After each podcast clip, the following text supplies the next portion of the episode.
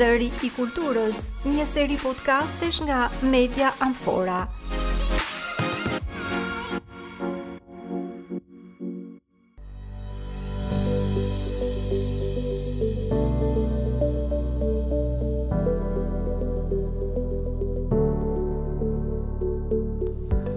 Ej, përshëndetje ndjekës të Media Amfora, besoj ju kemi munguar.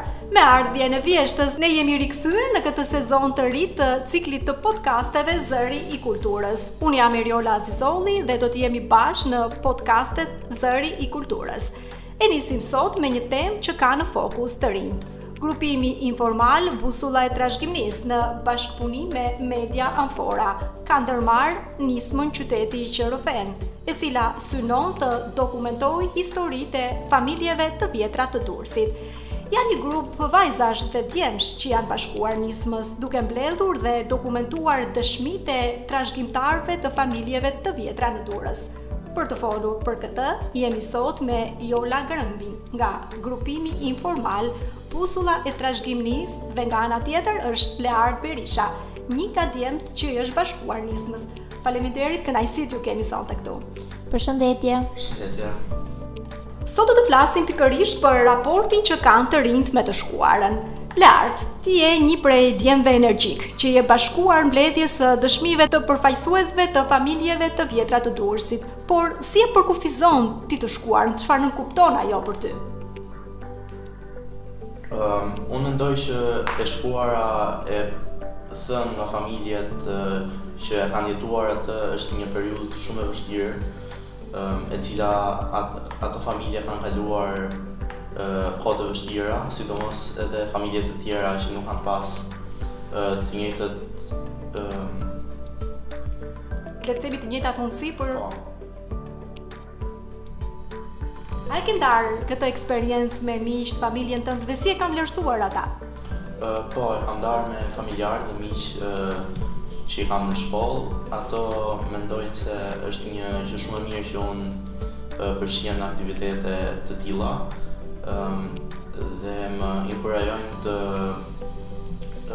shkoj edhe në aktivitete të tjera. Është shumë interesante dhe është vërtet për të përshëndetur kjo nismë sepse ndërsa i shohim të rinjtë që të jenë fokusuar në video game, të rinj gjithë kohën përpara internetit, veç pjesës tjetër të mësimeve, ka edhe si këta të rinj që bëjnë gjëra kaq shumë interesante. Tani le të kthehemi pak në rrafshin personal edhe e krahasuar kjo me familjen. Jola, nga ana tjetër sa je interesuar për njohjen e historisë së familjes tënde në rrafshin personal pyes. Uh, Atëherë, unë faktikisht uh, kam për shkak të një historie pak të veçantë të familjes sime, kam qenë gjithmonë shumë e interesuar ta di sepse ne nuk kemi uh, informacion uh, për familjen, kështu që normalisht kjo ka qenë një gjithmonë një temë uh, pak delikate sepse kemi qenë gjithmonë të interesuar, po pa pasur informacionet e duhura. ë uh, kur mendoj që këtë takimin në më të pra Unë e kam në familjen time që nuk kemi shumë informacion pavarësisht gjithë dëshirës madhe, po kur mendoj që kjo mungesë informacioni për familjet, pra të gjithë e kanë një mungesë informacioni për për çka ka qenë më përpara, atëherë është pak problem sepse normalisht uh, unë do doja ta dija historinë uh, e familjes time për një farë atashimi, po edhe për të ditur se çfarë uh, kush janë pritshmëritë e mia, sepse normalisht Çdo gjë kalon edhe me gene dhe çfarë ka qenë stërstërgjyshi im normalisht unë kam gene të trashëguara dhe pres që duke i pasur këto informacione të ndikojë normalisht dhe ta di se nga më vjen për shembull një një element dhe do doja shumë që këto informacione t'i kisha. Ka diçka shumë interesante, ju kujtoj se Gjithçka është pjesë e grupit informal Busulla e Trashëgimisë, që është një bashkëpunim me Media Amfora dhe është fokusuar tek mbledhja e historive të familjeve të vjetra të Durrësit. Gjithçka është realizuar falë mbështetjes së Lëviz Albania, pasi në fund fundit të gjithë e dimë se në qoftë se nuk do kemi një mbështetje nuk do jemi këtu. Një projekt ky i Agjencisë Zviceriane për Zhvillim dhe Bashkëpunim SDC. Ju jeni duke publikuar historitë e mbledhura të familjeve të vjetra në formë pasaporte. Leart, çfarë të motivoi që të dëgjoje për historitë e familjeve që ndikuan në historinë e Durrësit? Mendoj që ato kanë pasur një pjesë të madhe në vazhdimin e historisë së qytetit tim dhe do doja të dija më shumë për periudhën e të shkuarit. Shumë e bukur kjo të dish për periudhën e të shkuarës është një gjë që nuk mund sepse Ka një shprehje shumë e bukur që thotë nuk mund të ecësh përpara pa ditur të, të kaluarën. Duke pasur parasysh dhe ndikimin e rrjeteve sociale dhe modeleve që ato promovojnë, sa zë vend historia dhe trashëgimia kulturore në TikTok apo Instagram. Jola, a mendon se të rinjtë shqiptarë sot kanë interes për të shkuarën? Le të jemi të drejtpërdrejtë te kjo pika, si është? Jo. Fare. Nuk mendoj se kanë interes, por kjo nuk besoj se është për faj të tyre. to, për totalisht faj të tyre, sepse normalisht mungon edhe uh, pra besoj se të vjen pak edhe e uh, dhënë nga uh, dikush tjetër nga prindri për shembull nuk besoj se këto e kanë akumuluar këtë dëshirën për të ditur për të shkuarën mund të do me një llogari të shpejtë të rinjtë e sotëm i, i kanë prindër persona që uh, Janë diku në moshën 40-50 vjeç që kanë kaluar 97-ën, kanë pas probleme të tjera për përballimin e jetës dhe normalisht nuk besoj se kanë pasur fokusin tek historia e qytetit. Dhe normalisht nuk besoj se i kanë ndikuar te fëmijët e tyre që të mësojnë për historinë më shumë se sa të bëhen avokatë, mjekë, ekonomistë, që të mund të përballojnë jetën, mjafton që të arsimohen, po nuk ka rëndësi, domethënë në çfarë mënyre e marrin këtë arsim apo të të të, të rrisin të rinj me vlera kulturore. Më shumë e rëndësishme është që të kenë mundësi që të të jenë në punë, që të krijojnë të ardhura. Që nuk është se kanë dhënë të Sipas teje, kjo vjen sepse nuk i kultivohet ky interes që në fëmijëri, apo sepse nuk është trendi sot le themi, të ndjekurit e këtyre temave, sidomos në po, mediat sociale. Po, vërtet, është edhe kjo pjesa e trendit, po sido që të jetë tani unë shoh shpesh herë kur jam në Instagram këto short-et, reels-a që tregojnë pjesët historike, për shembull, ti mjafton të futesh te këto vendet e jo Firenze, jo këto gjëra, normalisht ti shikon vendet më të bukura historike në Romë, vendet më të bukura historike. Okej, okay, do të thotë, okay, ka tendencë për pjesën e trashëgimisë. Problemi është që Duke qenë se ne nuk i kemi ruajtur sa duhet sitet arkeologjike, normalisht është e e vështirë se çfarë ti të kesh për të treguar. Sigurisht historia e qytetit të Durrësit ka shumë për të treguar, por fakti që kemi këtë mungesën e që të kemi diçka fizike për të treguar, atëherë kjo e vështirëson akoma më tepër dhe Ndikon te mungesa e dëshirës. Duke dëgjuar Jolën se sa me pasion flet për këtë për këtë çështje, një vajzë durrsake thua që në këtë qytet ka vërtet, vërtet shpresë për të rinjtë që që të shohin tek trashëgimia kulturore. Por nga ana tjetër për Lartin, sa ka ndihmuar procesi i njohjes së të shkuarës në projektimin për të ardhmen, Larti, për atë çka do të jesh, do të bëhesh, do të përfaqësosh nesër. Për mua ajo më ka ndihmuar shumë edhe në mësime, por edhe në mbushjen e atij boshllëkut të cilit unë nuk nuk kisha marrë informacion më përpara. Le të themi që pas këtij projekti do kesh më shumë dëshirë pse jo të studiosh në Shqipëri, të jetosh në Shqipëri, të ndërtosh të ardhmen këtu, familjen tënde këtu? Po, sigurisht. Je i sinqertë në këtë që thua.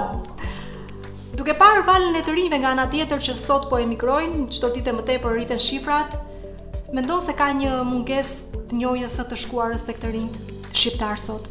Ë, uh, Shiko, këtë pjesën e migracionit mund ta shohësh në dy këndvështrime, sepse normalisht çdo person që ikën jashtë merr një kulturë europiane dhe është i mirëpritur pastaj të vijë sepse normalisht është një vlerë e shtuar për vendin tonë. Ë, uh, kështu që normalisht Edhe kjo ka anët e veta pozitive, nëse do riktheheshin sigurisht.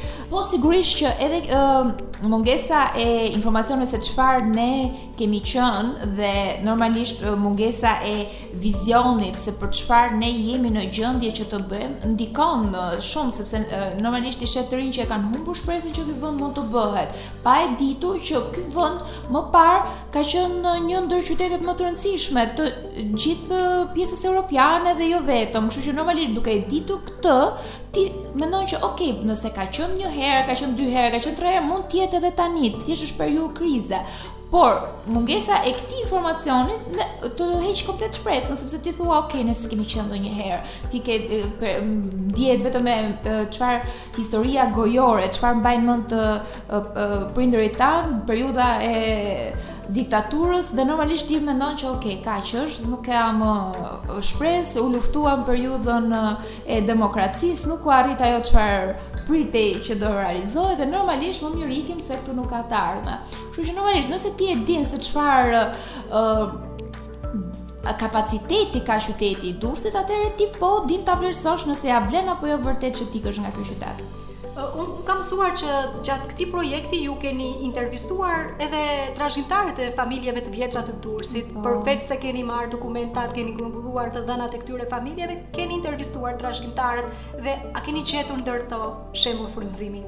Po vërtet, realisht ka pasur vërtet uh, histori që unë i dëgjoja dhe rrëqethesha se sa të bukura ishin se çfarë guximi këta njerëz kishin, se sa uh, jo egoistë janë treguar përpara, do ishin njerëz që e kanë humbur krejtësisht pasurinë e tyre dhe sërish kanë vazhduar që uh, të të të ndikojnë për mirë në këtë qytet, janë njerëz që ka dhe histori shumë bukura dashurie, nuk e di, unë çdo eksperiencë që kemi pasur, çdo intervistë që kemi pasur me familjet e vjetra shqiptare kam e dursake e kam shijuar jashtë mase shumë sepse uh, ti shikon edhe se edhe emocionin teksa ato e tregojnë, krenarinë që ato kanë teksa e tregojnë për se çfarë paraardhësit e tyre i kanë dhënë këtij qyteti. Ne nuk e dimë. Uh, unë nuk e dija përpara se sa ta dëgjoja dhe uh, tani e shikoj më ndryshe dhe uh, personat që ne kemi intervistuar, pra vërtet janë njerëz që kanë dhënë për këtë qytet, por ndërkohë shoh ndryshe edhe këtë qytet, sepse është qytet që përderisa këto njerëz kanë sakrifikuar kaq shumë, do të thotë që kanë parë diçka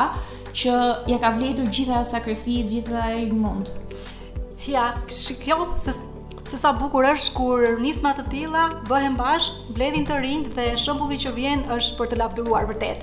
Tani do të bëja do doja t'ju bëja të dyve një pyetje, sepse shpeshherë nuk ne edhe lagjen tonë apo qytetin ku jeton duket sikur nuk e njohim mirë. Por nëse hedhim një vështrim pas, mendoni se tashmë ju e njihni më mirë qytetin dhe figurat kryesore të tij si mendon Lardi?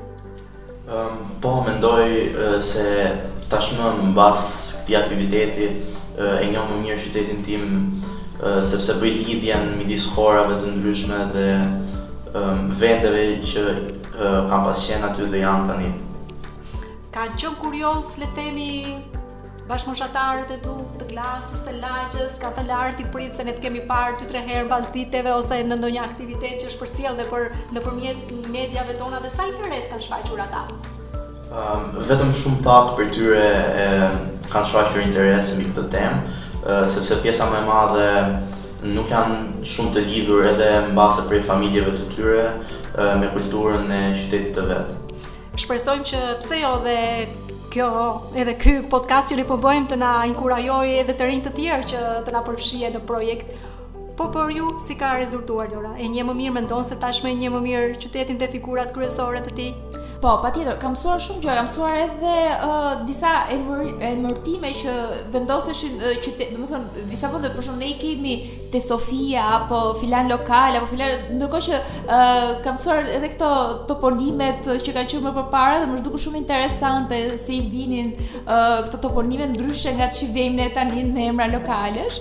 Uh, gjithashtu kam su, kam uh, jam njohur me disa personazhe që realisht nuk e dija që kishin ekzistuar dhe kishin qenë kaq uh, aktivistë për qytetin e Durrësit dhe uh, ndërkohë nuk e Unë dhe shumë persona të tjerë nuk besoj se ia dinin, e dinin që ekzistencën, vlerën që kanë pasur për këtë qytet. Dhe realisht është shumë për të ardhur keq që persona të tillë të mbeten pas në histori dhe të mos tregohet për to. Shumë interesante kjo që sapo thatë, faleminderit Jola dhe Lear që ishit me mua në këtë seri të parë të sezonit të dytë të podcasteve Zëri i Kulturës. E i miq, të dëgjohemi përsëri në edicionin e radhës. Faleminderit që ishit me ne.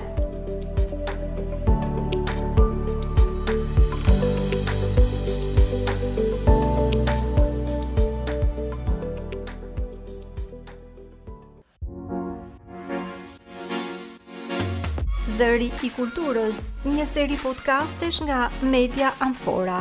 Na ndiqni online në amfora.al dhe në platformat audio SoundCloud. Mixcloud, Google Podcast, Spotify, Apple Podcast dhe YouTube.